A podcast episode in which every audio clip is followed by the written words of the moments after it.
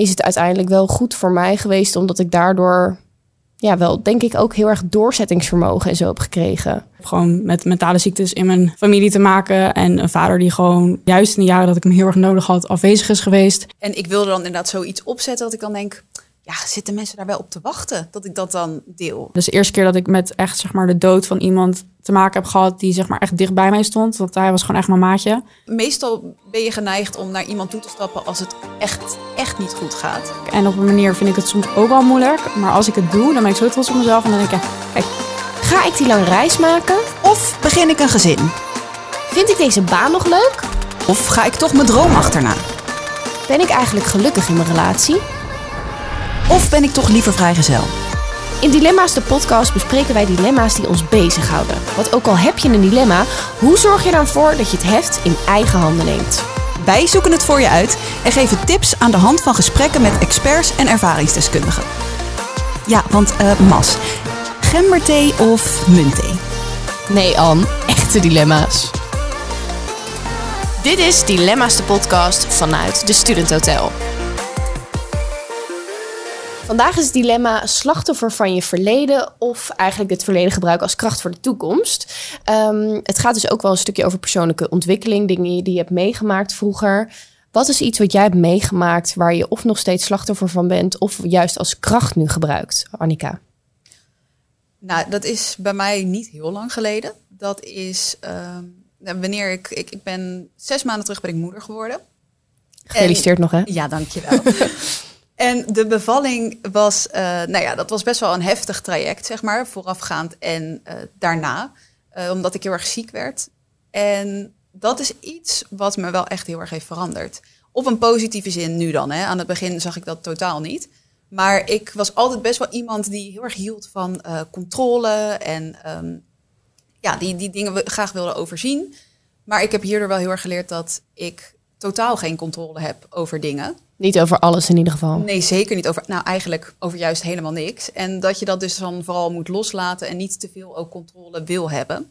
En ik was iemand die alles vol kon plannen en heel veel dingen tegelijk wilde doen. Maar doordat ik toen zo ziek was, kon ik ook echt maar één ding op een dag. En ik heb nu wel geleerd dat ik ook altijd te veel gewoon maar aan het rennen was en dingen aan het doen. ehm, zonder daar heel erg bij stil te staan wat ik allemaal aan het doen was. Dus ja, dat is iets wat best wel kort geleden eigenlijk is. Maar eh, waar ik nu al wel van merk dat het een soort van 2.0 versie van mezelf heeft gemaakt. Dat het je beter heeft gemaakt. Ja, dat ik er wel echt veel van heb geleerd. Ja. En jij? Ehm, ik denk dat het bij mij vooral is geweest in mijn jeugd. Ik heb eigenlijk tot mijn veertiende een soort onbezorgde jeugd gehad. Eh, nooit gepest op school, altijd eh, in een leuke klas gezeten. alles kunnen doen, ook qua sporten of dingen die ik wilde. Ehm, maar toen mijn ouders uit elkaar gingen toen ik veertien was, toen kwam er wel even tegen een soort muur of zo op je af. Ehm, ineens veel zelfstandiger worden terwijl je nog maar 14 bent. Keuzes moeten maken tussen de ene ouder of de andere ouder. Ehm, maar ook heel erg met jezelf in de knel raken. Het ging niet goed op school, want je hebt te veel aan je hoofd met andere dingen. En doordat ik zo vroeg of snel volwassen heb moeten worden, ook omdat ik geen broers of zussen had waar ik ook zeg maar mijn verhaal aan kwijt kon, ben ik hulp gaan zoeken. Dus ik had een vertrouwenspersoon op de middelbare school. Daar praatte ik mee, want nou ja, aan mijn cijfers te zien was dat ook wel iets zeg maar waar mijn mentor mee kwam aankloppen van hé, hey, misschien is dat een goed idee voor jou. En toen ben ik al heel snel gaan leren praten over mijn gevoelens en wat het met me doet en hoe ik me voel. Ehm, en ik denk dat dat wel heel erg geholpen heeft, maar ook het heel snel zelfstandig worden en eigen keuzes maken. eh, voor jezelf op moeten komen, omdat je eigenlijk geen keuze wil maken tussen je ouder of je moeder of je vader of je moeder. Dat ik daardoor nu heel goed keuzes kan maken en heel goed op mezelf kan zijn. En eh, snel zelfstandig ben geworden, snel op mezelf ben gaan wonen. En dat heeft me wel heel erg gevormd tot wie ik ben.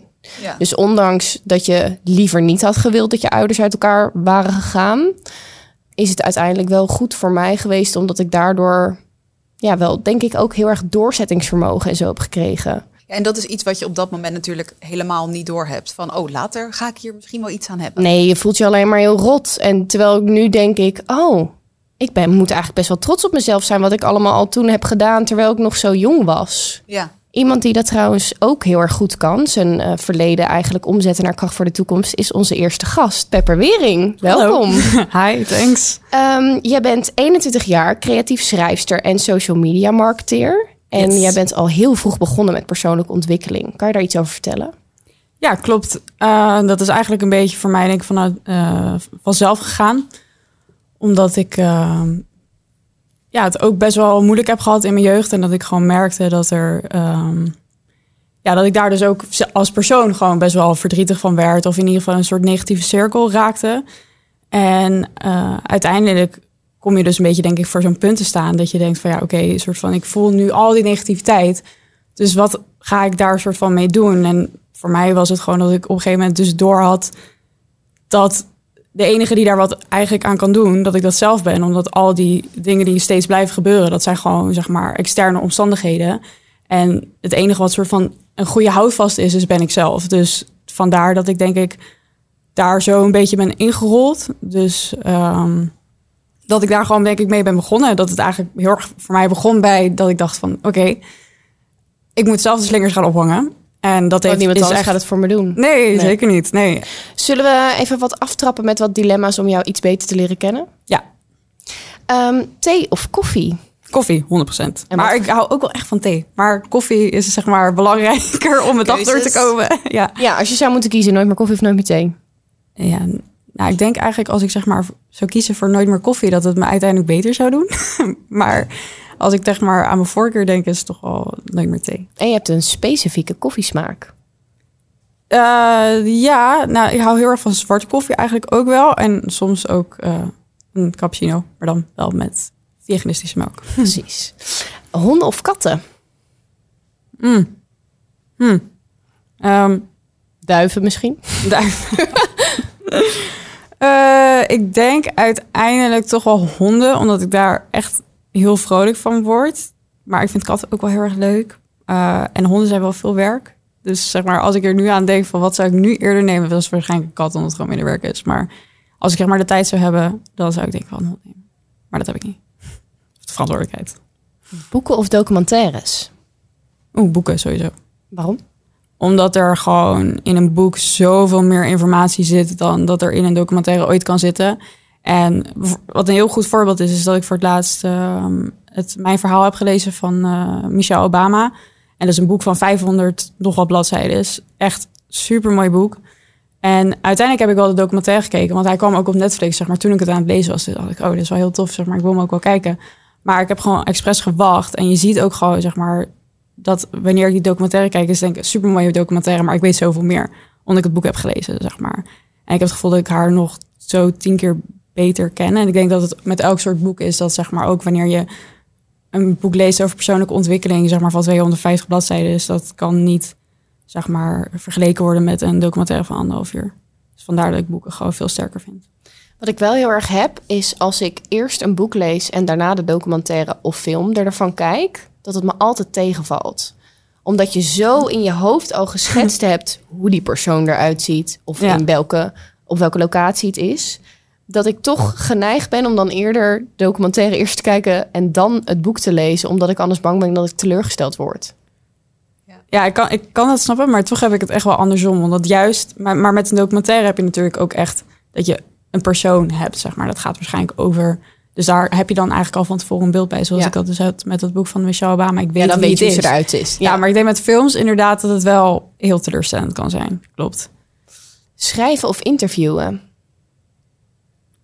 Ehm, zeg maar voor live of Mhm. een soort van dat ik. Maar mag ik dan, als ik het interview doe, wel het uitschrijven of mag ik dat helemaal niet meer doen dan? Nee, dan zou je het zeg maar bijvoorbeeld beeldend doen. Of, of zoals nu met een podcast. Dat je het Hmm. hoort of ziet, maar niet uitgeschreven hebt.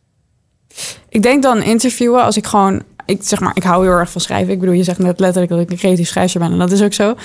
Maar ik denk wel dat de toekomst waar we nu naartoe groeien, dat zeg maar beeld en spraak gewoon zoveel belangrijker is en dat het zoveel meer impact ook heeft op mensen en dat het gewoon zo ja, wat meer toegankelijk is ook voor de jeugd. Omdat ons toch zeg maar ook wel wordt aangeleerd, nou of aangeleerd, het wordt ons gewoon gegeven zeg maar dat het is zoveel makkelijker om inderdaad gewoon even een podcast te luisteren in plaats van een heel boek te lezen of een heel blog te lezen. Of En je kan ook twee dingen tegelijk doen. met een podcast kan je ook gaan wandelen of gaan fietsen of gaan hardlopen. En als je een boek leest, gaat dat wat lastiger.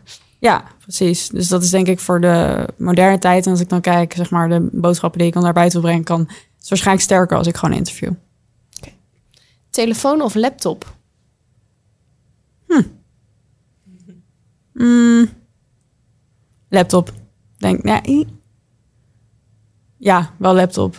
Want het is gewoon, zeg maar, daar kan ik zoveel meer op dan dat ik ooit met mijn telefoon zou kunnen doen. Ja, op een gegeven moment ben je beperkt met je telefoon tot waar je kan. Ja, Ja. dus ik denk dat dat als je gewoon überhaupt creatieve dingen wil doen, dat je gewoon wel echt en gewoon werken. Zeg maar, als ik geen laptop heb, kan ik niet werken. Dus dat is Nee, wel belangrijk. Ik heb nu ook een iPad voor me en daar heb ik geprobeerd een stuk op te schrijven. En toen Dus dacht ik, doe mij mijn laptop weer Ja. terug. Eh, en tot slot social media of real life. Real life 100%. Way better. Maar je houdt je wel veel bezig met social media. Ja. Ja, omdat ik het ook wel heel erg leuk vind. Ik heb wel ook echt ehm, acht maanden geen social media gehad. Dat is nu echt al wel, denk ik, dik twee jaar geleden. Echt een flinke detox is dat, Dat, geweest. was echt een flinke detox. Zeg maar gewoon Facebook, Instagram, alles was weg. Maar op WhatsApp tellen sommige mensen ook wel social media. Maar voor mij niet echt, zeg maar. Ik zou ook die gesprekken kunnen hebben over sms. Maar WhatsApp is gewoon een fijne manier, zeg maar, om contact te houden. Maar wel, eh, voor de rest, alles wat ik had, zeg maar, was gewoon, was gewoon weg. En eh, dat heeft me ook wel erg goed gedaan, hoor. Ik heb daar wel eh, heel erg veel van geleerd, zeg maar, wat social media voor mij betekent. En zeg maar, hoe ik het ten goede kan gebruiken. En zeg maar, dat het niet me slecht, zeg maar, slechter maakt. Of dat het, zeg maar, echt energie neemt die ik eigenlijk daar helemaal niet aan wil geven. En zeg maar, je hebt denk ik sowieso dat eh, veel mensen er in ieder geval wel last van hebben. Dat je ook zeg maar onzeker kan worden van social media. En dat je gewoon helemaal, dat je ook de realiteit heel erg vergeet. Dus dat je een soort van, dat al die dingen die je constant voorbij ziet komen, dat dat als echt wordt gezien, zeg maar. Dat je het idee hebt dat iemand er altijd zo uitziet. Of dat iemand altijd leuke dingen aan het doen is. Terwijl, ja, ook als ik naar mezelf kijk, weet je, het is echt... ehm, soms maak je stories en dan tegelijkertijd kan je je gewoon super kut voelen. En zoveel mensen hebben dat, zeg maar. En het is allemaal, het is heel leuk. Het is een leuke manier om sociaal te zijn en soort van dingen te delen. Maar als je zeg maar niet er doorheen kan kijken en dat je niet weet, zeg maar, wat er allemaal achter schuilt. Ehm, niet dat je dat van iedereen specifiek hoeft te weten natuurlijk, maar meer van dat je daar wel realistisch in kan blijven, kan dat je echt wel gewoon kwaad doen, denk ik. En het is heel tijdrovend, laten we dat ook erbij zeggen. Ik bedoel, zeg maar, als je acht uur per dag op social media zit, wat niet eens meer een heel raar nummer is tegenwoordig. Nee, absoluut niet. Besef als je zeg maar één of twee uurtjes van die tijd gewoon in iets anders zou steken, daar haal je gewoon zoveel meer uit. En uit social media haal je gewoon niet echt veel, in ieder geval als je aan het scrollen bent. Maar was het ook de bedoeling om daar zo lang mee te stoppen? Of is het... Nee, het was heel spontaan. Ik ben sowieso heel impulsief en spontaan persoon. Dus dat was ook op een gegeven moment dat ik gewoon echt dacht van, weet je wat, ik ben hier helemaal klaar mee. Zeg maar, het voelt gewoon echt niet goed. Dus ik had het toen, toen ging ik ook eh, op vakantie. Dus dat was eigenlijk het perfecte moment geweest om super veel stories te maken. En een soort van, laten zien, hey, I got a nice life. maar toen dacht ik, dit is eigenlijk ook een goede test. Dus toen heb ik hem gewoon helemaal achterwege gelaten. En heb ik juist heel erg genoten van die vak- vakantie. En toen kwam ik terug. Had ik het weer even gedownload. eh, wat voor mij was vooral Instagram. Want op Facebook zat ik al bijna niet meer. En toen dacht ik eigenlijk, ja, hm, waarom zou ik eigenlijk nog? Ik kan toch wel langer doorgaan. En toen had ik dat ook gedaan. Had ik het gewoon verwijderd. En eh, toen dacht ik, nou, ik ga wel weer terug wanneer het voelt dat ik terug kan gaan. En dat heeft acht maanden geduurd. En wat miste je dan het meeste tijdens die periode? Of miste je überhaupt iets? Ja, het is natuurlijk al tegen geleden. Maar zeg maar, ik denk in het begin is het vooral heel erg die, ehm, die habit natuurlijk. Dat je zeg maar echt gewoon op je telefoon opent en dan scroll je zo een paar keer naar, naar rechts of naar links waar je app ook zit. En dat je erop wil klikken en dan, oh, it's not there. en, ehm, maar uiteindelijk, ik denk dat je in het begin wel een soort van het mist om ook jezelf te vermaken als je gewoon, zeg maar, het is gewoon zo makkelijk. Want je hoeft je tegenwoordig gewoon echt niet meer te vervelen. Want als je vijf minuten op de bus moet wachten, dan ga je gewoon op social media en you're fine. En zeg maar, ik denk dat dat soort dingen, dat ik dat wel in het begin miste. Maar uiteindelijk was het totaal geen gemis. Had ik juist echt zoiets van, zo, iedereen zou dit moeten doen. Wat Want zijn drie dingen, want je vertelde dat je er best wel veel uit hebt gehaald ook, geleerd van hebt. Wat zijn drie dingen die je er echt van mee hebt genomen en dat je nog steeds toepast? ehm, mijn meldingen niet meer aan hebben staan. Dat heb ik van geen enkele social media. Dus ik ga er echt... Want ook omdat ik dus in online marketing zit, zeg maar, weet ik heel erg hoe alles in elkaar zit. En bijvoorbeeld voor heel veel mensen was het een soort van een shock om de social dilemma te kijken. Ik weet niet of jullie die documentaire hebben gezien. Ja, ja. Ja, maar voor mij was het geen shock, want ik wist basically alles al, zeg maar.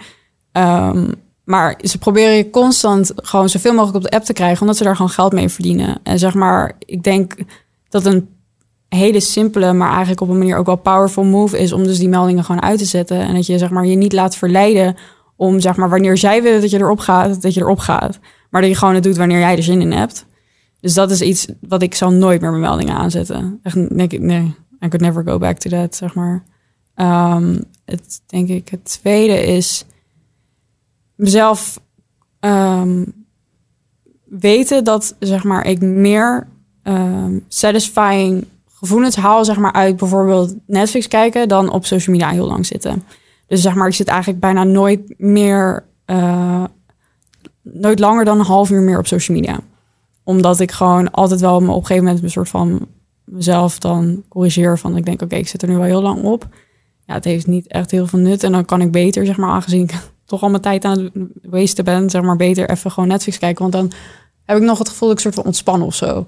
Dus dat helpt ook heel erg. Dat doe ik nog steeds. Um, ja, en gewoon alles niet zo serieus nemen. En mezelf ook niet zo serieus nemen. Dat is dus ook wat eerlijker zijn op social media? Ja, zeker. Ja, dat is wel, daar ben ik zeg maar daarna, na, toen ik weer terugkwam, ben ik daar wel mee begonnen, zeg maar. Ik um, ben ook wel van plan om zeg maar nu weer nog actiever te worden. Uh, want het is altijd wel echt een heel erg proces geweest, zeg maar. Om, uh, want het is denk ik heel erg lastig als je gaat nadenken. Ik denk dat iedereen die zeg maar iets met social media wil doen, omdat zeg maar op, of het nou werkgebied is of mensen inspireren of zeg maar gewoon echt wel iets serieuzer mee doen, wat ik altijd wel heb gehad, dan struggle je sowieso heel erg met zeg maar hoe je echt jezelf kan zijn op social media. Dus dat is echt wel een soort reis. Um, en dat moet je, je moet heel veel dingen ook uitproberen. En ook heel veel dingen durven. En zeg maar, ik heb daar heel erg de afgelopen twee jaar heel erg geprobeerd mijn vorm in te vinden. En ik heb het gevoel dat ik dat nu eindelijk een beetje begin te krijgen, zeg maar. Dus het duurde heel lang. Maar ik ben wel toen vanaf dat moment wel begonnen met in ieder geval wel wat eerlijker zijn. Want daarvoor was ik echt, ja, ik weet niet wat, ik was best wel actief, zeg maar, op mijn stories. Toen ben ik ook, heb ik echt de meeste volgers denk ik erbij gekregen. En toen maakte ik gewoon elke dag stories, maar gewoon over de leuke dingen. Dus als ik met mijn vrienden was, als ik gewoon aan het chillen was. was uh, ik had toen net een babykitten thuis, weet je, gewoon allemaal dat soort leuke dingen. Dus het was gewoon allemaal fun. Maar ja, natuurlijk was mijn leven ook niet zo, zeg maar.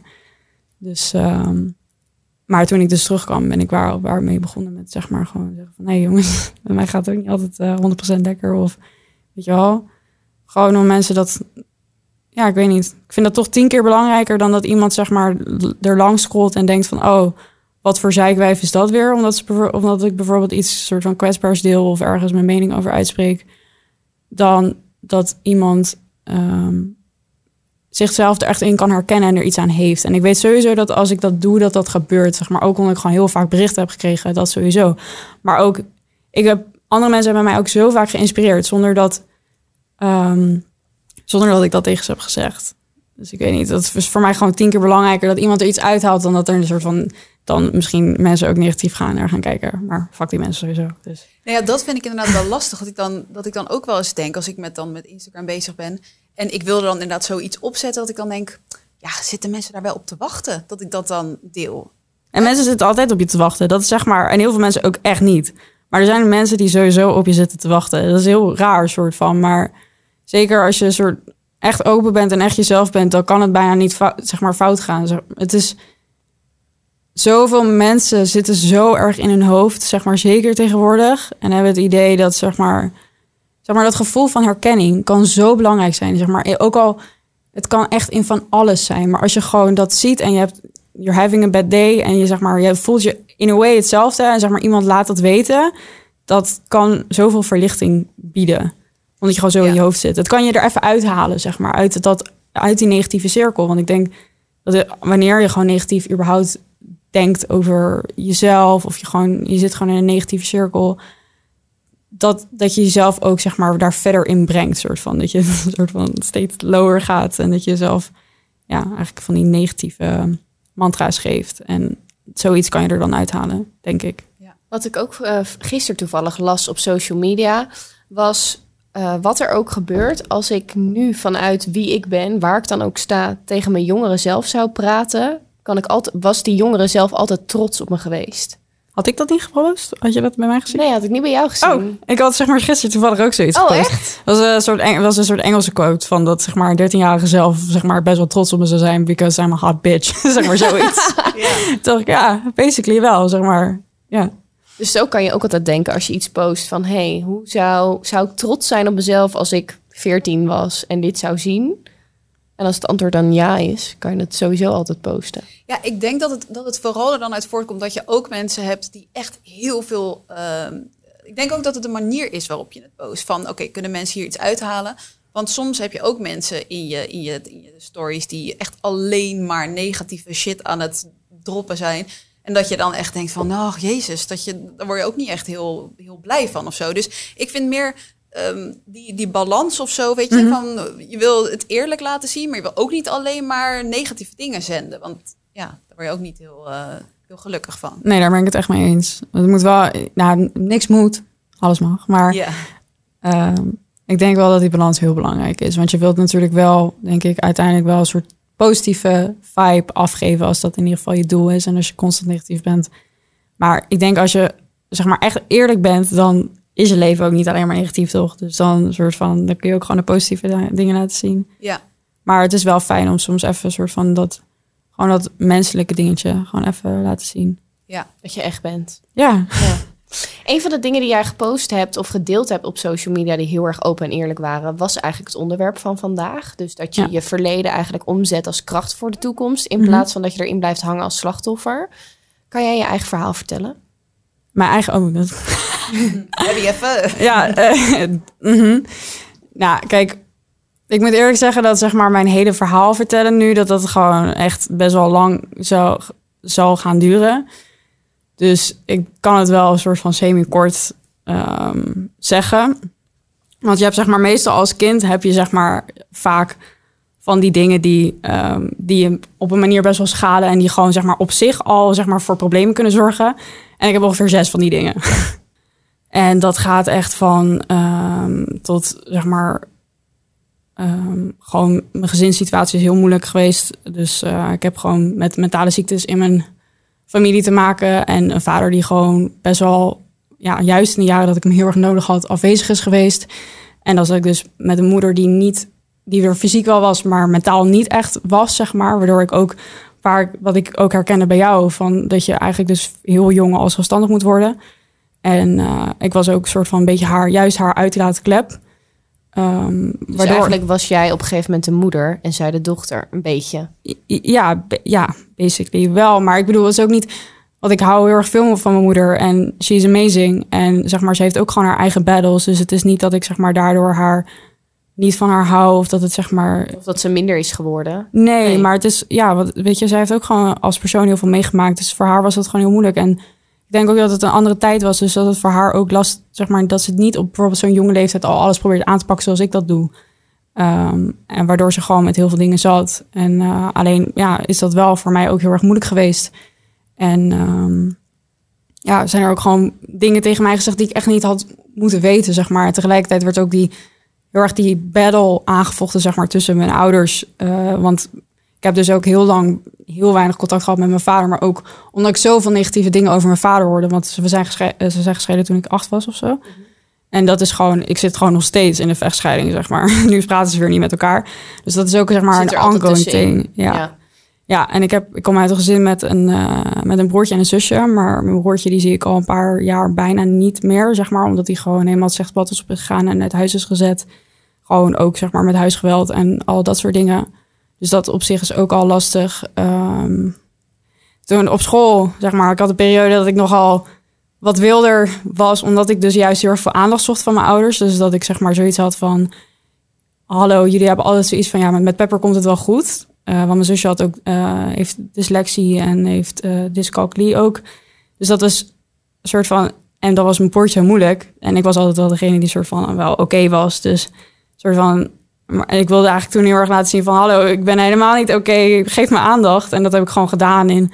Ja, wel... ehm, ehm, heel extreem gedrag te tonen, zeg maar. Dus veel drinken, blowen. Soms ging ik gewoon vaak blowen voor school en tijdens school. En gewoon elk weekend drinken en gewoon tegen ze liegen. En gewoon, zeg maar, echt extreme tienergedrag toen ik gewoon super jong was. En eh, eigenlijk alleen maar om, als ik daar nu op terug had ik toen niet door, maar om dus die aandacht te krijgen. Het is eigenlijk een soort schril om hulp en aandacht tegelijkertijd. Ja, maar en op een gegeven moment heeft wel een soort van semi iets gedaan. Want op een gegeven moment heb ik gewoon letterlijk alles gezegd. Dan heb ik gewoon op een gegeven moment gezegd: Ja, ik heb echt al deze tijd tegen jullie gelogen. Je hebt het gewoon niet door. zeg maar, heb ik gewoon dat ik dacht: Ja, het werkt gewoon niet eens, soort van. En uh, wat moet ik doen om die aandacht te krijgen? Ja, en toen ging het wel even. De periode was soort van de focus wel iets meer op mij. Alleen daarna ging het eigenlijk wel weer snel weer terug naar hoe het was. En dat zijn ook zeg maar daarna die momenten dat ik dacht: Ja ik heb nu een soort van dit hele negatieve cirkel heb ik uitgeprobeerd. Een soort van dat zelfdestructieve. Maar it doesn't work. Zeg maar, ik heb er niks aan. Het enige die ik er echt mee heb, ben ik vooral zelf. Want ook als je er gewoon heel simpel naar kijkt. Ik was super jong. Ik was gewoon mijn hersenen aan het verkloten ook. Zeg maar met gewoon veel drinken en gewoon domme dingen doen. Soort van.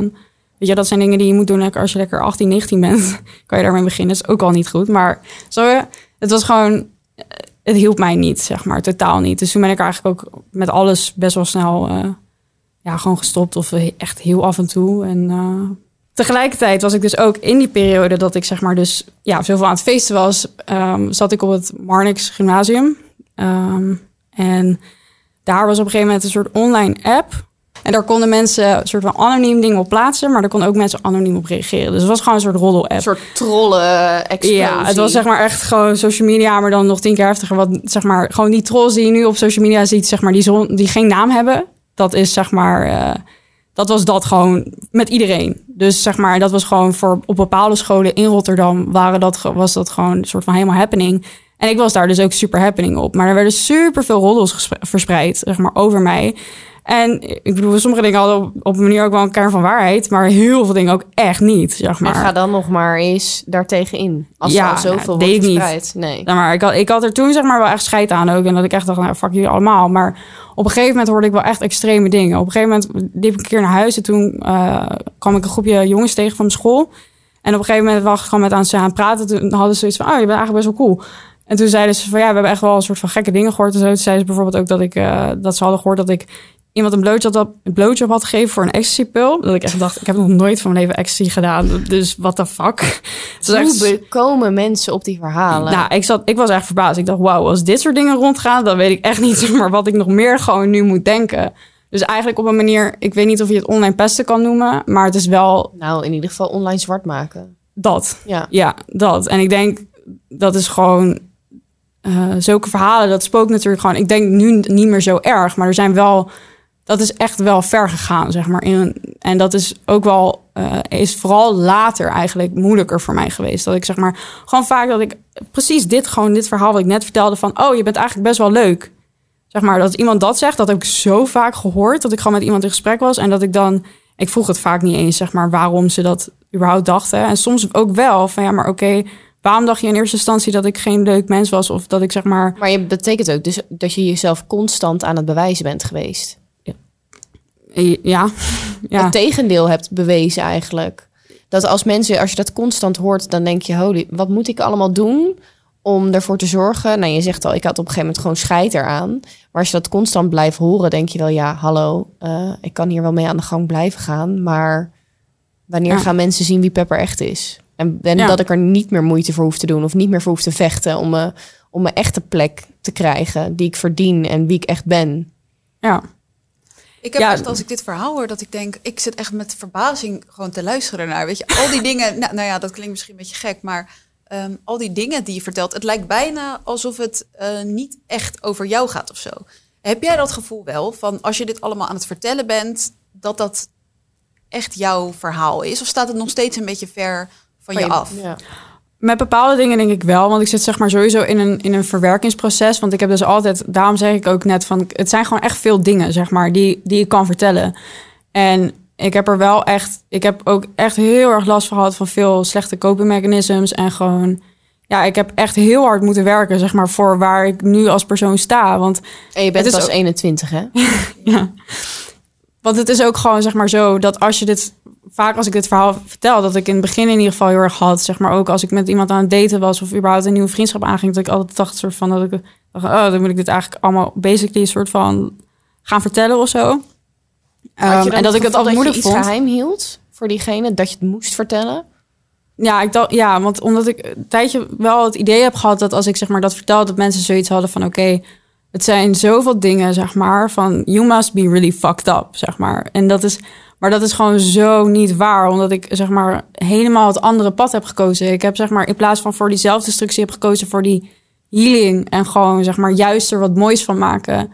En ik weet dat, maar ik had heel erg lang, zeg maar, omdat ik dus ook wel met nog steeds dingen struggelde en ik wist dat, dat ik zeg maar wel een soort van bang was om soort van dat te uiten, omdat ik zoiets had van, ik hoop niet dat ze dan gaan denken dat ik soort van een of ander crazy person ben of die wegloopt voor de problemen en dat ze denkt, nou, als ik met deze chick zeg maar een vriendschap of een relatie aanga, dat uh, lijkt me geen goed idee, weet je, want die is uh, vast soort van niet 100% in haar hoofd. En, maar dat is wel zo.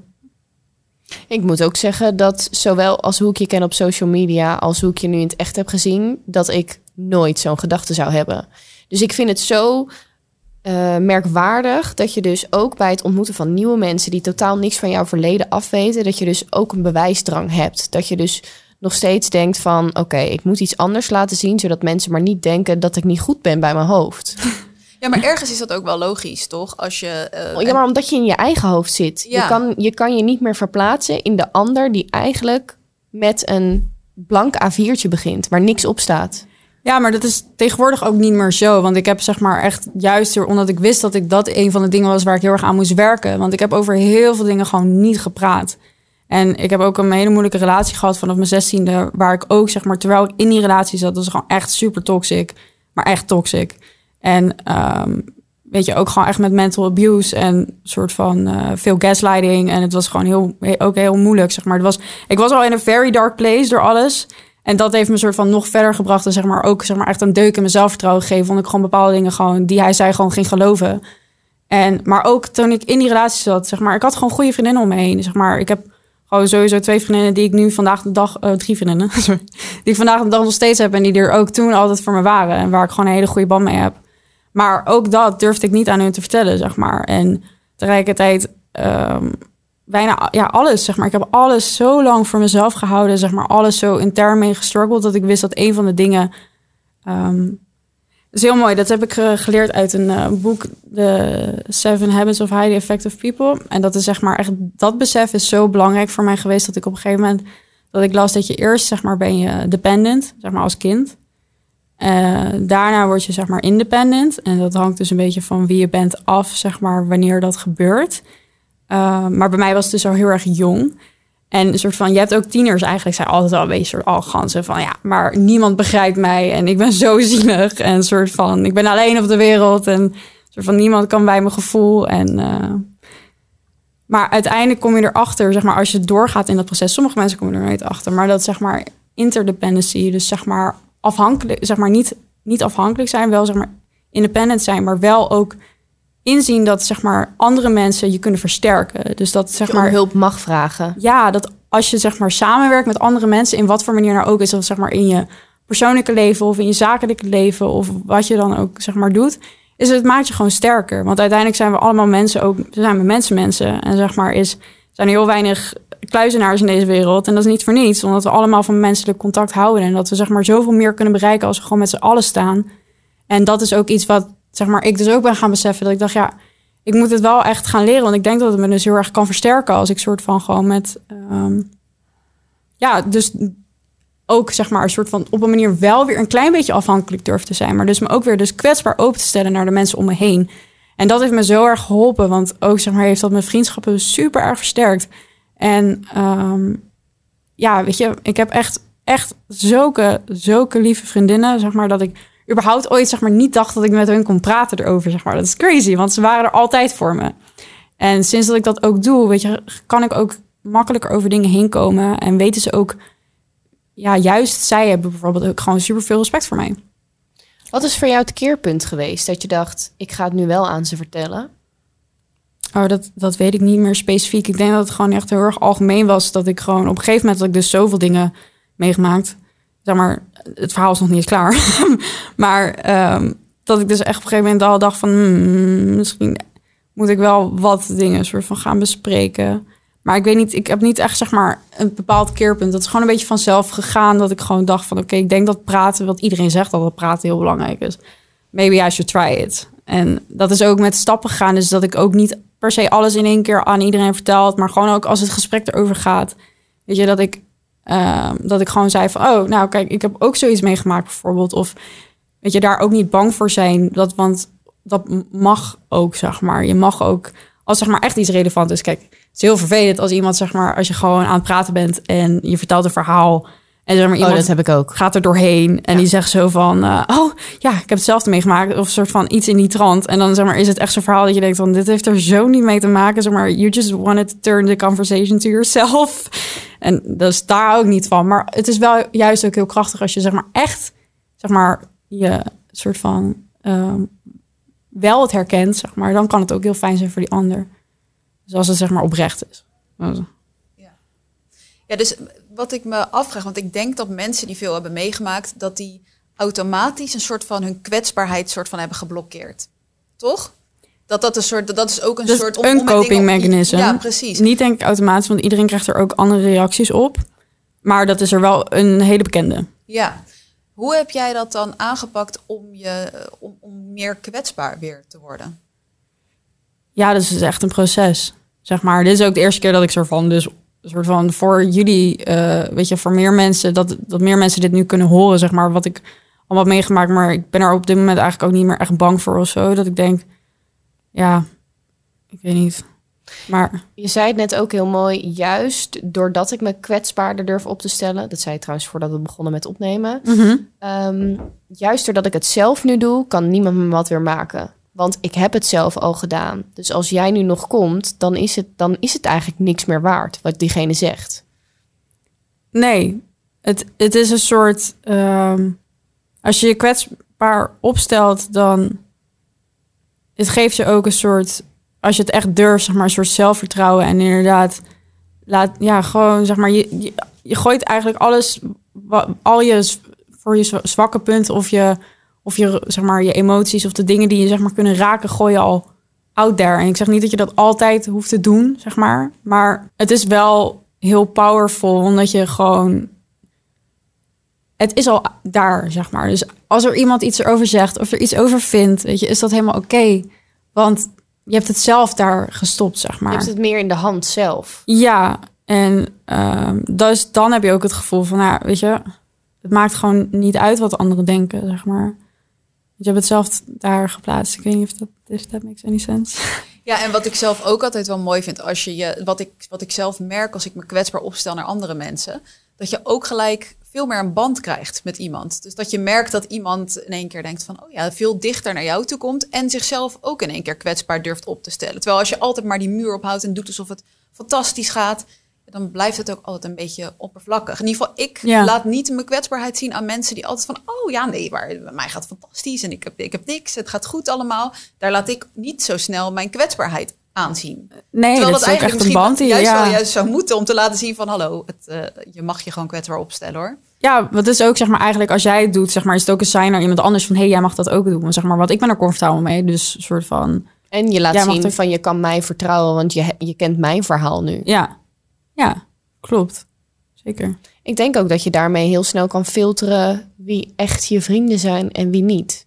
Bij wie durf jij echt jezelf te zijn, je donkerste dagen mee te delen, eh alle slechte nog? gedachten. Wat zeg je? En dat ze er nog zijn, zeg maar. ja. Ja. Als, ze er, als ze dan niet weggelopen zijn, als ze het wel hebben gedaan, zijn ze echt heel stom. Ja, maar dat, dat is trash taking itself out. dat is echt waar. Ja, Zeg maar, daar, daar kun je dan denk ik op het moment dat dat allemaal gebeurt, dat niet zo goed over nadenken. Maar uiteindelijk, ik kan er niet. Ik heb ook heel veel vrienden gehad, zeg maar, in vriendengroep gezeten.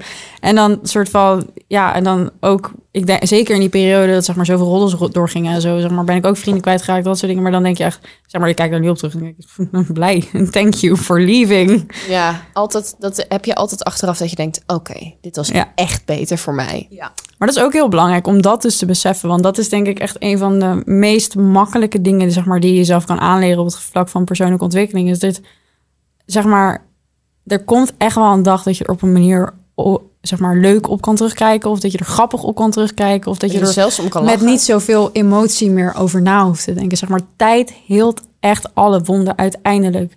En ehm, niet alleen tijd, je moet ook wel wat werken stoppen. Maar uiteindelijk wordt alles met de tijd zeg maar minder heftig. En als je gewoon een soort van, je kunt dat denk ik in iedereen zijn leven, als je daarop terugkijkt, alles bestaat gewoon uit die ups en die downs. Maar dus je weet ook altijd, het is gewoon super simpel, maar na regen komt weer zon, zeg maar. Of hoe zeg je dat? Na regen komt zon. Ja. anyway, it's really like that. Dus het is een soort van, Altijd waar er een deur dicht gaat, gaat er weer één open. gewoon relativeren. Gewoon weten van, oké, ik voel me nu echt, echt niet lekker, maar dat gaat ook wel weer voorbij. En er komt ook wel weer iets moois, maar ook wetende. Dus dat er ook wel weer altijd iets slechts aankomt. Dat het gewoon niet, zeg maar, ik heb heel lang het gevoel gehad van, oké, ik heb nu alles gehad. Zeg maar, dus ik, ik heb nu zoveel shit gehad, dus nu gaat het wel beter. Maar dat is helemaal niet waar, want ik blijf nog steeds gewoon shit meemaken. En it still all hurts, maar ik weet wel, zeg maar, ik waardeer daar ook zeg maar de momenten die ik heb, zeg maar, waar ik me wel goed voel en waar ik wel een soort van positief ben. En me goed, ja, dat, dat waardeer ik ook meer, omdat ik weet dat het ook zo weer eventjes anders kan zijn. En, En dus als- jij vindt dat juist iets fijns. Dat vind ik wel interessant iets. Jij vindt het juist fijn dat je het gevoel hebt van... oké, het gaat nu goed, maar er kan altijd weer iets misgaan. Of er kan altijd iets gebeuren weer. Ja, een fijn gevoel is het, zeg maar, want ik loop daar niet de hele. Ik ben, ik probeer wel zoveel mogelijk in het moment te leven en gewoon te genieten van wat ik nu aan het doen ben. Maar het is gewoon, ik denk, het is gewoon dankbaarheid, denk ik meer. Van dat je, dat je gewoon weet dat als ik me gewoon lekker voel en zeg maar in een, gewoon een goede periode zit, dan ehm, dat ik daar extra dankbaar voor ben, omdat ik ook weet dat het gewoon heel anders kan zijn. En denk ik ook gewoon dat ik weet dat ik van heel ver ben gekomen. En ehm, ja, het is dus het is niet dat ik daar constant mee bezig ben dat ik denk van oh, soort van het kan allemaal nu weer slecht gaan, want dat totaal niet, want ik wil dat ook helemaal niet manifesteren, zeg maar. Maar ik weet het wel gewoon en eh, het zit in mijn achterhoofd en daardoor geniet ik gewoon meer van de dingen die, zeg maar, weet ik gewoon dat die momenten zo waardevol zijn en dat het zo belangrijk is om gewoon te genieten en goed voor jezelf te zorgen en ja, gewoon be a happy bean. Wat gebeurt er nu met jou op het moment dat jij dus wel even iets slechts meemaakt? Eh, dan laat ik gewoon heel erg mijn emoties toe. Eh, dus ik doe gewoon wat ik zeg maar waar ik me goed bij voel. Ik doe ik I take it slow altijd zeg maar. Ik probeer realistisch mijn verwachting van mezelf te hebben in die periode. Ik probeer dus ook voor de mensen die eh, waarbij dat belangrijk is, zeg maar ook te communiceren dat iets is gebeurd. Bijvoorbeeld eh, een paar maanden geleden is mijn opa overleden. Dus de eerste keer dat ik met echt zeg maar de dood van iemand te maken heb gehad die zeg maar echt dicht bij mij stond, want hij was gewoon echt mijn maatje. En ik heb er even over getwijfeld of ik dat zeg maar bijvoorbeeld tegen een opdrachtgever zou zeggen waar ik gewoon veel werk voor moest doen. En uiteindelijk heb ik het wel gedaan, omdat ik gewoon dacht van kijk, ik voel me gewoon nu wat minder. Het is een hele begrijpelijke situatie. En als ik dan een keertje een off day heb of dat het zeg maar even niet gaat, dan, dan weet diegene gewoon ook waarom. En tegelijkertijd natuurlijk heb ik het ook tegen iedereen om me heen gezegd. Maar het is, dus ik probeer voor altijd goed na te denken van oké, tegen wie moet ik er soort van nu goed over communiceren? En ik kies eigenlijk ook altijd als er iets vervelings gebeurt, want ik heb zeg maar vier vriendinnen waar ik gewoon echt heel close bij ben. En basically praat ik altijd met één of twee van hen zeg maar over, eh, over als er iets gebeurt. En ik kies dan ook gewoon, ga gewoon goed nadenken van ook waar zij doorheen gaan. Dus hoe gaat het met hun? Ehm, en ehm, wie ik op dat moment waar ik me dus fijn bij voel om zeg maar te praten, wie heeft er tijd. Weet je, kijk, als eh, een vriendin van mij die gaat nu ook door een break-up heen. Ehm, en die zou ik nu niet zo snel benaderen als ik me kut voel, zeg maar. Omdat zij zich ook gewoon heel zwaar voelt. En dat is gewoon puur ook uit respect voor haar. Want ik kan ook naar een vriendin gaan die zeg maar, zich wat beter voelt. Maar zo ga ik dus gewoon een beetje uitkiezen van... oké, wie vertrouw ik op dit moment eventjes alles toe? En eh, kan ik mijn gevoelens kwijt? En voor de rest geef ik mezelf gewoon de tijd en doe ik rustig aan. En probeer ik vooral ook nu, wat ik echt wel eh, afgelopen twee jaar wel heb ontwikkeld... ook positieve dingen te doen, zeg maar. Dus juist te gaan sporten, juist ehm, muziek te luisteren, te dansen, eh, even een beetje Goed voor jezelf te zorgen, ook misschien met voeding. eh, koken. Dat doe ik heel veel, zeg maar. Als ik gewoon, dat is echt, en ik zie dat dan ook echt als een prestatie, zeg maar. Dat is een hele goede, zeg maar, om soort van in mijn hoofd dat ik denk, als ik voor mezelf ga koken, het, dat is van zoveel mensen vinden dat zo moeilijk en op een manier vind ik het soms ook wel moeilijk, maar als ik het doe, dan ben ik zo trots op mezelf en dan denk ik, ja, kijk, you really care for yourself, zeg maar. Het is belangrijk. Inderdaad, dus die self-care, dus basic self-care basically, zeg maar. Dat self-care is niet een maskertje oppleuren, maar dat is gewoon dat, zeg maar, goed voor jezelf zorgen, zeg maar, in de basis, goed slapen, goed eten, goed voor je lichaam zorgen door te bewegen. That's actual self-care. En dat, daar probeer ik me dan ook extra op te focussen. En dus ook trots te zijn als ik dat dan doe. Want ik weet dat ik me niet goed voel, but I'm still doing it, want ik ben het waard. Wauw. Ja, dat vind ik echt een hele mooie. Ja, ik vind het ook, eh, als ik zo naar jou kijk en naar jou luister, dan ehm, moet ik me er even aan herinneren wat jij net zei, dat jij gewoon 21 bent. ja, ik vind dat best wel bizar, want je hebt al wel heel veel levens, nou ja, levenservaring natuurlijk door alles wat je hebt meegemaakt. Als je nou dan daarop terugkijkt, wat zijn dan, want waarschijnlijk zijn het heel veel dingen wat je hebt moeten doen om zeg maar hier te komen dan. Maar wat zijn drie dingen waarvan je denkt, dat heeft mij het meest geholpen om nu zo in het leven te staan? Ehm, ja, dat is, is de, hier moet ik even goed over nadenken hoor. En wat ik trouwens ook wel een hele mooie vind. Ik heb toevallig gisteren met een vriendinnetje daarover gehad. Wat je benoemde over ehm, het bedenken met welke vriendin je erover gaat praten. Dus, maar dat betekent ook voor jezelf, juist doordat jij uitspreekt hoe jij je voelt, weten die meiden ook dat als zij ergens mee zitten, oké, dan is het nu een goede timing om wel naar Pepper te gaan. Of nu is het even niet zo'n goede timing om naar Pepper te gaan, want Ja. ze heeft zelf al dit op haar bord liggen. En ik denk ook, stel dat je met meerdere mensen tegelijk hetzelfde meemaakt, wat vervelend is, dat het ook heel erg goed is om te blijven communiceren met elkaar. Want als de een al verder is in het verwerkingsproces bijvoorbeeld dan de ander, dan kan je elkaar ook weer constant terughalen. Dus juist die communicatie ook over de kwetsbaarheid. Wat maak je mee? Hoe voel je je? Juist door daar heel erg open over te zijn, kan je alleen maar heel erg goed rekening met elkaar houden. Kan je juist elkaar weer naar boven tillen. Ja. Ehm, en er ook voor zorgen dat het met iedereen goed gaat. En dat Ja. je niet extra iemand op zijn bord legt terwijl dat hele bord al vol ligt. Dat vind ik echt een hele goeie. Ja, je, kunt, je kunt elkaar echt verlichten. Het is echt, weet je, ook ehm, als ik gewoon nu aangeef dat er iets is gebeurd, bijvoorbeeld zoiets als met mijn opa, dan zeggen mijn vriendinnen ook gewoon letterlijk tegen me, zeg maar, over degene waar ik dan zeg maar, op dat moment er veel meer over praat. Ik vertel altijd iedereen altijd achteraf wel, zeg maar. Maar, eh, en ze weten ook dat ik dan, als ik het niet heb gedaan, dat ik het om een reden heb gedaan. En ik ook gewoon zeg van, maar ik wilde jou gewoon ook de ruimte geven. Of, weet je wel, voor mij is met één, twee mensen praten genoeg. Ja. Ehm, maar zij zeggen dan ook gewoon tegen mij van... hey, ik ben er gewoon, er komen een paar weken extra veel voor je, weet je. En dan komen ze gewoon, soms, gewoon langs mijn huis en zeg maar, appen ze me gewoon vaker. En eh, weet je, dan zeggen ze van, joh, heb je zin om te bellen vandaag? Weet je, doe gewoon, bel me gewoon. En dat zeggen ze gewoon een paar keer, herhalen ze dat van, weet je wel, ik ben er voor je. En als je me nodig hebt, bel gewoon. App, doe wat je wil. En dat is gewoon zo fijn om dat te horen en dat je gewoon altijd weet dat dat dat er is. En zeg maar, ik weet zeker dat iedereen in zijn leven ehm, echt wel mensen om zich heen heeft. Weet je, het kan ook, het kunnen ook je ouders zijn, het kan ook je broer, je zus, je, je vriend, vriendin. Ik ken be anybody. Desnoods iemand die je niet kent, hè? Juist een onbekende, gewoon professionele hulp. Oh ja, Oh, ik zal even dacht denken. iemand op straat. Zo in de, in de club of zo, zo even in mijn levensverhaal zo eruit gooien. Nee. nee, maar ook een onbekende. Zeg maar, als je inderdaad echt het gevoel hebt dat die stap nog te groot is om met iemand te praten in je directe omgeving, omdat het ook gewoon heel eng kan zijn, dan is dat zeker een hele goede stap. En eh, ik, heb, ik heb ook veel eh, therapie wel gehad, zeg maar, een beetje op, en aan, zeg maar. En eh, zeker gewoon ook, weet je, soms gaan dingen ook gewoon wat verder dan gewoon even een soort van niet lekker in je vel zitten. Ik heb ook twee keer een depressie gehad. En zeg maar, toen heb ik ook gewoon wel uiteindelijk hulp gezocht. Omdat ja, dat, dat is iets waar zeg maar je vrienden en je familie je niet zo heel goed bij kunnen helpen. En dat is niet erg. Maar je wilt er wel graag uitkomen. Dus dan met dat soort dingen is het ook, ook dat weer relativeren, zeg maar. Want misschien komt er inderdaad wel uit dat als je er goed over na gaat denken, dat je beter met een professional kan praten.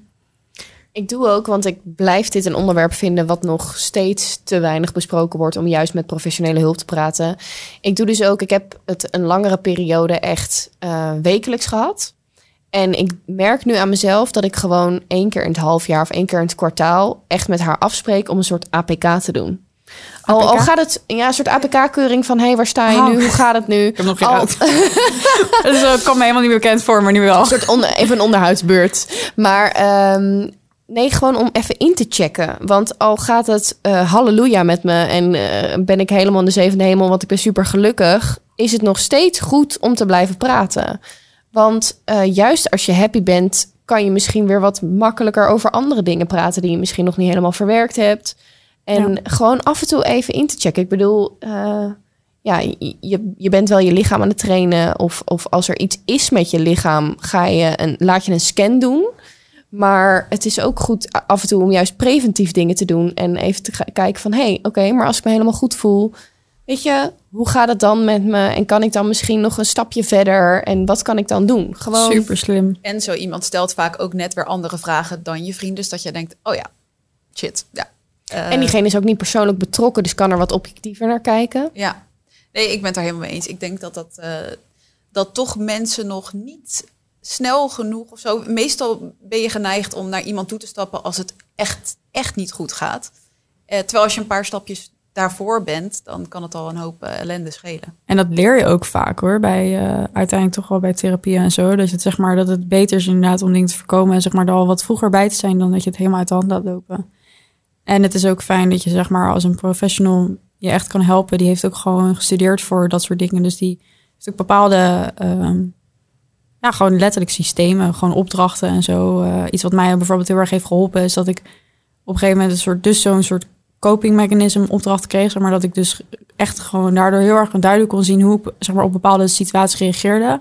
En waarom dat dan was. En daar kon ik zeg maar zo, daar had ik zoveel aan, zeg maar, waardoor ik gewoon veel beter soort van die coping mechanisms soort van kon aanpakken. En dus ook dat weer te turnen. En gewoon er in plaats van een negatieve reactie, zeg maar, positieve reactie op te geven. Dus eigenlijk een beetje je standaard eh, dingen die, die er gebeuren op het moment dat er een situatie zich voordoet, dat je weet hoe je dat moet aanpakken. Dat je weet hoe er maar om moet gaan eigenlijk. Ja, ja, maar eigenlijk dat je meer ook weet wat je dan doet. Dus dat je ziet en dat je ook zeg maar aan de andere kant dus weer ziet van wat je bijvoorbeeld anders zou kunnen doen. Omdat je dus dat zo zeg maar uitgestippeld krijgt, zeg maar echt in een soort gewoon zo'n soort stapjes eigenlijk van dus waar je hoofd doorheen gaat op zo'n moment. Dat je dan dus ook ja, dat beter begrijpt en dat je dus kan kijken van hmm, hoe zou ik er dan eigenlijk wel op willen reageren en zeg maar gewoon. Maar nou, dat gaat ook echt niet zeg maar het is niet dat je dat ziet en dat je denkt huh, nou en nu gaat het nooit meer gebeuren. Maar mij, mij heeft dat wel geholpen om eh, wel van wat eh, pittige coping mechanisms achter, ach- eh, af te komen. Kan je, dus, kan je eens een voorbeeld geven van eentje? Om wat uh, beeldender te maken. Ik, ik denk zeg maar aan, aannemen dat iemand mij niet begrijpt. Dat is zeg maar, en dat is een hele, en daar dus dan soort van dus eigenlijk voor iemand anders gaan denken. Dus zeg maar, omdat ik gewoon denk ik een wat, eh, zeker toen dus wel wat emotioneel instabieler was, dat ik gewoon ja, heel vaak zoiets had van een soort van zo'n arrogantie van eh, ja, maar ik heb zoveel meegemaakt en niet, gewoon zeg maar die, in, die independence, zeg maar waar ik het net over had, zeg maar dat gevoel van ik sta er alleen voor, dat ik dat nog heel erg in me had zitten. Dus dat ik echt soort van dus ook in gesprekken en zo dat ik gewoon ervan uitging dat iemand mij sowieso niet begreep, of dat iemand sowieso niet eh, kon voelen wat ik voelde, dus dat dat iemand er niet voor me kon zijn of zo, en dat ik dan daar eigenlijk ook dus extra frustratie over had en dat ik dus op een manier denk ik dan ook niet goed naar iemand luisterde. Dat ik gewoon zeg maar dat allemaal in mijn eigen hoofd zeg maar dat ik gewoon aannames maakte. En hoe heb je dat dan omge, omgedraaid? Ja, dus beseffen en zeg maar eh, in situaties wanneer dus dat soort dingen gebeuren.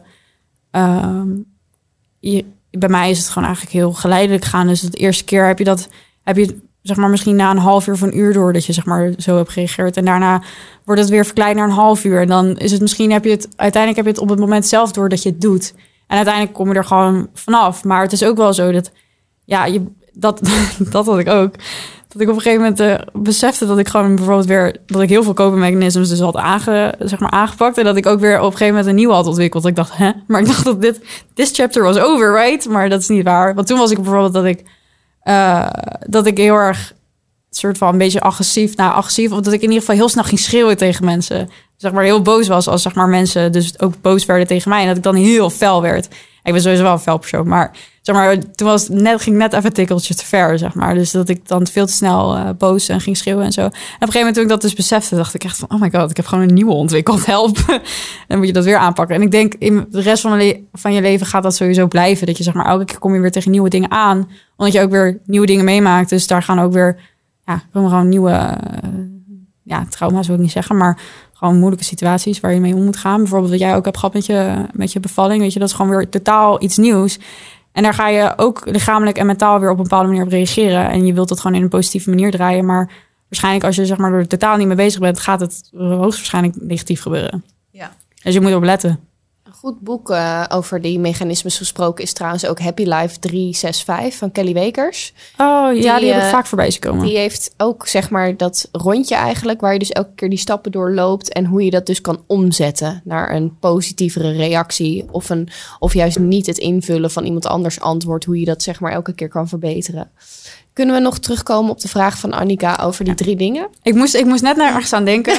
Als, het hoeven er geen drie te zijn. Als Ja. je zegt, ik heb er eentje, dan mag het ook. Nou, eentje die zeg maar voor mij wel recentelijk echt waar ik heel trots op ben, zeg maar wat me heel erg heeft geholpen, is dus echt, echt self-care heel serieus nemen. Dus wat ik net zeg, het is niet even een maskertje oppleuren op zondagochtend en dat je denkt, self-care, I'm getting tea and going into the En dat bath. op Instagram zetten. Ja, en ja, het wordt tegelijkertijd dat je zeg maar de hele week eigenlijk heel slecht voor jezelf zorgt. Doordat je niet, dat je niet goed eet. eh, doordat je constant ook, weet ik veel, ook gewoon niet goed in je relatie zit. Bijvoorbeeld, Je laat constant over je heen lopen of whatever. Gewoon, zeg maar, self-care is, gaat zoveel verder dan dat ik ooit had kunnen bedenken dat het was, zeg maar. Zeg maar, echt voor jezelf zorgen is, is, is een kunst bijna, zeg maar. Het is, en sinds ik dat echt ben gaan doen, ik woon nu denk ik iets van acht maanden ook op mezelf. Dat heeft heel erg geholpen, want ik moest ook echt uit huis op een gegeven moment. Dat was ook weer een hele impulsieve actie, maar dat was gewoon omdat ik merkte dat ik met mijn moeder thuis ging het gewoon echt, was het gewoon te moeilijk. Zeg maar, de energie was gewoon te heftig en te negatief. En ik wilde gewoon vaak niet naar huis. Dat ik dacht van, oké, ik moet, I just gotta get out. creëren. Ja. En toen ben ik echt geblest met een super nice appartementje. En ik ben er nog steeds zo blij mee. En dat heeft ook wel, zeg maar, dus de volgende stap, denk ik, in dat proces ook gebracht. Want ik natuurlijk dan echt voor mezelf moest zorgen. Maar ik was er al heel goed in eigenlijk. Omdat ik dus al heel veel deed. Ehm, maar ik heb het wel, zeg maar, to to the next level gepusht. En ehm, ja, en dat zit er gewoon echt in die kleine, zeg maar, echt gewoon geloven dat jij het waard bent om, zeg maar, goed behandeld te worden. Maar niet alleen dus in, eh, door anderen, want dat is ook heel belangrijk, want daar moet je ook je grenzen in kunnen stellen. En daar heb ik ook super veel moeite mee gehad. Ehm, heb ik nog steeds wel moeite mee. Maar ehm, Vooral voor jezelf. ja, voor, voor jezelf, maar ook dus ook inderdaad dus jezelf goed behandelen en dat het waard vinden. Dat je dus zeg maar de energie steekt om jezelf goed te behandelen. En dat gaat, zit echt in die kleine dingen van dus goed voor je, goed eten, ehm, bewegen, ehm, tijd en ruimte nemen. Soms even zo'n ontspanningsmomentje, weet je. Ehm, niet de hele avond alleen maar Netflix kijken of weet het op Instagram zitten, maar gewoon de tijd nemen om, weet ik veel. Iedereen heeft andere dingen. Doe wat yoga, ga mediteren, ga een boek lezen, ga eh, Bewust avondeten. Ja, bewust avondeten, podcast luisteren. Gewoon wat tijd nemen voor jezelf. In bad gaan, bijvoorbeeld. Is ook super maar ik heb geen bad. Maar ik heb gewoon wat andere mensen doen. Dus ik. Maar gewoon die tijd nemen voor jezelf. En, eh, en dat is denk ik, dan komt het ook weer op een ander punt... wat ik ook echt heel erg heb geleerd. En dat is dat gewoon lekker tijd nemen met mezelf. Zeg maar genieten van de tijd die ik met mezelf heb. Omdat uiteindelijk is het nog steeds wel zo... ook al hou ik heel veel van de mensen om me heen... maar je er echt, zeg maar, heel, heel negatief eigenlijk om daarover na te denken. Maar alles, behalve jijzelf, kan om je heen wegvallen. En dat klinkt heel cruel, maar misschien ga je ooit wel verhuizen naar een nieuwe stad. En dan moet je ook helemaal overnieuw beginnen. Dus het is gewoon heel fijn als je zeg maar zo'n goede basis bij jezelf bouwt. Dat je Dat echt je je op eigen jezelf kan fundament vertrouwen. bent. En dat je Ja, niet dat je- afhankelijk bent van anderen wat dat betreft. Ja, en dat je, maar dat je ook echt lol kan hebben met jezelf. Ik heb echt lol met mezelf. Zeg maar, ik vind, ik zeg maar, ik organiseer gewoon soms date nights met mezelf. En dan ga ik dus lekker koken. En dan ga ik daar, ik heb gewoon een lijstje van activiteiten die ik dan zeg maar eventueel kan doen. En dan ga ik dat gewoon doen. En dan is dat soort van een date met mezelf. En ik ben ook, wat ook daar in dat proces heel erg heeft geholpen, is ehm, dat ik eh, drie maanden op reis ben geweest door in mijn eentje. Toen, want ja, ben heel, eh, sowieso heel reislustig. En dat was ik altijd al, dus ik wist al heel graag dat ik dat wil doen. En eh, toen ben ik ook echt, toen ik nou, eind 18 ben ik gegaan. En eh, ik dacht altijd van, nou, misschien is het wel leuk om met iemand anders te gaan. Maar op een gegeven moment dacht ik, ja, ik kan wel echt, het gaat zo moeilijk zijn om met iemand zeg maar te vinden die met me mee wil. En dan precies dezelfde dingen wil. En ook zeg maar als ik denk van dat ik constant de hele tijd met één persoon moet zijn. Dat vind ik ook nog wel lastig, want ik ben wel introvert. Dus zeg maar, ik laat me eerder op, zeg maar, door met mezelf te chillen en zeg maar veel sociale, echt veel sociale dingen doen. Dat put me gewoon uit. En met mijn vriendinnen is dan, voor de mensen die close bij me zijn, is het ook nog wel anders. Maar toen dacht ik dus van ja, ik kan wel gaan wachten tot er van mensen met me meegaan, maar ik kan ook gewoon zelf gaan. En dan kan ik ook gewoon doen waar ik zin in heb.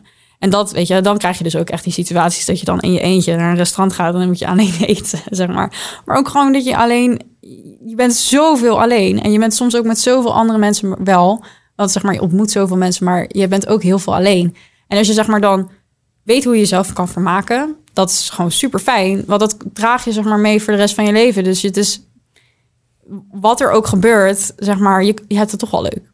En dat is gewoon heel belangrijk. En ik denk dat ik sinds dat ik dat heb ontwikkeld... en dat is ook jezelf beter leren kennen. ehm, en dus maar jezelf dus ook soort van ook veel geluk gunnen. En, ehm, en gewoon ook ontdekken wat je hobby's zijn, denk ik een beetje. Weet je wel? Ik denk dat het heel jammer is als je zeg maar geen hobby's hebt. En, eh, want er zijn zoveel dingen die je kan doen. Eh, ik moet wel denken, ik heb zo'n boek gelezen van, eh van Lienke... De Jong? Ja, die Dear Good Morning. En daar zegt ze ook, eh, zeg maar, als je bijvoorbeeld niet van sporten houdt, zegt ze eh, eh, niet van sporten houden is alsof je niet van eten houdt, want er zijn zoveel dingen die je kan doen. Hetzelfde met hobby's. Eh, dus vind gewoon iets wat je leuk vindt. Nou, bij mij is dat bijvoorbeeld dus boeken lezen, schrijven, eh, weet je, podcast luisteren. Maar dan kun je altijd gewoon daarop terugvallen. En dan hoef je ook niet geïrriteerd te zijn als je alleen bent. Of als een keer in een koffietentje zit en een vriendin vergeet af te spreken, dan heb je gewoon je koffie en dan lees je gewoon een boek of een leuk artikel en you're fine. Zeg maar, het maakt je gewoon wat lichter en ook veel minder zwaar ook voor andere mensen om mee om te gaan. Want you're Je bent bij niet yourself. afhankelijk. Ja. Nee, We eindigen de podcast altijd met een challenge voor onze luisteraars. Ja. Mocht eh, dit dilemma eh, jou aangaan, of, eh, of misschien wel vrienden of vriendinnen of familie, dan eh, vragen we onze gast altijd om een soort opdracht te geven, of Mhm. een challenge, of een boek te lezen. Het maakt niet uit. Zodat als je ermee struggelt, dat je iets kan doen om een stapje dichterbij te komen om eigenlijk ja, dat dilemma gewoon aan te gaan. Je hoeft er niet eens mee te struggelen. Je kan het ook gewoon proberen. Ja. Ja. Het kan zomaar een hele leuke opdracht zijn om te doen. Nou, ik ben heel benieuwd wat je hebt. Ja, ik, eh, heb ik eigenlijk even mijn telefoon nodig. Kijk even. Oké, nou, het is een eh, schrijfopdracht, omdat het wel eh, leuk is aangezien ik zeg maar zelf veel schrijf. En ik denk dat schrijven een hele mooie manier is eh, om jezelf beter te leren kennen. Kan ook zeg maar echt wel door bijvoorbeeld meditatie en dat soort dingen. Maar het is gewoon heel belangrijk om soms even, denk ik, vragen aan jezelf te stellen waarvan je graag zou willen dat iemand anders het aan je stelt. Want dat gebeurt gewoon niet zo vaak. Zeg maar, dus je kan ook dat soort van in gesprek gaan met jezelf. Om jezelf dus beter te leren kennen. En ik heb dus een paar vragen opgesteld. Die, die soort van je kunnen helpen als je dit allemaal uitschrijft. Om jezelf wat beter te leren kennen. We zullen ook trouwens zorgen dat onder de eh, YouTube-video dat de vragen van Pepper staan, zodat jullie ze kunnen terugvinden. Super handig. Oké, nou ten eerste, wie ben je? Dat klinkt misschien een beetje basic, maar gewoon schrijf even in een paar zinnen gewoon op wie je bent. Gewoon als persoon, wie- een beetje eigenschappen, waar je vandaan komt, je leeftijd. Eh, wat doe je en waarom doe je dat? Kan op werk vlak zijn, op privévlak. Gewoon het eerste wat in je opkomt. Denk er vooral ook niet te veel over na. Heb je het gevoel dat je een missie in het leven hebt? En zo ja, wat is het? Wie of wat dragen bij aan jouw missie en geluk? En wat niet? Heb je het gevoel dat de mening van, staat tussen haakjes, anderen je op een manier tegenhoudt? En zo ja, weet je ook waarom? En heb je genoeg scheid in je leven en waarom wel of niet? En dan de laatste drie vragen zijn: wie wil je graag zijn? En wat moet je daarvoor doen? En waarom doe je het niet? Bam. Boom. Heel nice. Ik denk, ik weet sowieso al voor mezelf dat er meteen antwoorden in me opkomen. En waarvan ik ook weet dat ze heel erg waardevol zijn. Zeker die, eh, wat doet de mening van anderen daartoe? Want ik heb heel lang iets niet gedaan door de mening van anderen. Terwijl ik het al heel lang wilde en dat al heel, heel goed wist. Same. Ik denk heel veel mensen. Ja. dus ik zou zeggen, eh, ga er gewoon mee aan de slag. Ga het opschrijven. Denk zoals Pepper al zei, niet er te veel over na. Want hoe dieper je erin gaat, hoe moeilijk het wordt om uiteindelijk iets op te gaan schrijven. Wij gaan dat ook doen, Emma's. Wij gaan het sowieso doen, want eh, Annika en ik die maken altijd allebei een video over deze challenge. eh, om te kijken wat het met ons heeft gedaan, wat wij daaraan hebben gehad. Zodat je daar ook weer eh, ja, inspiratie uit kan halen. Ik ben heel benieuwd. Yes. Pepper, ik wil je onwijs bedanken voor dit openhartige en eerlijke gesprek. No problem. We gingen nogal de diepte in, maar ik vind het super fijn dat je zo open met ons wilde zijn. Had Want het ook niet per se eigenlijk echt ver- verwacht. Het is een beetje raar, want het ging natuurlijk wel over kwetsbaarheid. Maar ik had niet verwacht dat ik dit... Maar ja, ik vind je echt een super stoer wijf. Ik thanks. En ehm, ik wil jullie ook attenderen erop dat Pepper een hele leuke Instagram pagina heeft. Namelijk @pepperwering, waar je al haar persoonlijke verhalen kunt volgen. Haar leuke verhalen, maar ook inderdaad de downs, die deelt ze daar ook. Ja. En, eh, En eh, tegenwoordig ook leuke eh, kooktips. Dus zeg maar gewoon, ik ben... Ik, tenminste, dat gaat waarschijnlijk als het live is. Want ik ben daarmee bezig met de receptvideo's maken. Superleuk. So, really nice food. Dus als je aan de slag wil met self-care, kan je aan de slag met de Ja, recepten van met Pepper. super lekker vegan eten. Nice. Mhm. En eh, je kan natuurlijk ook de Dilemma's podcast volgen op Instagram en op YouTube, eh, op Spotify en op Apple Podcast. En Annika Hopstaken of mijzelf, Marcia Lange. Eh, bedankt voor het kijken of voor het luisteren. En we zijn volgende week bij je terug.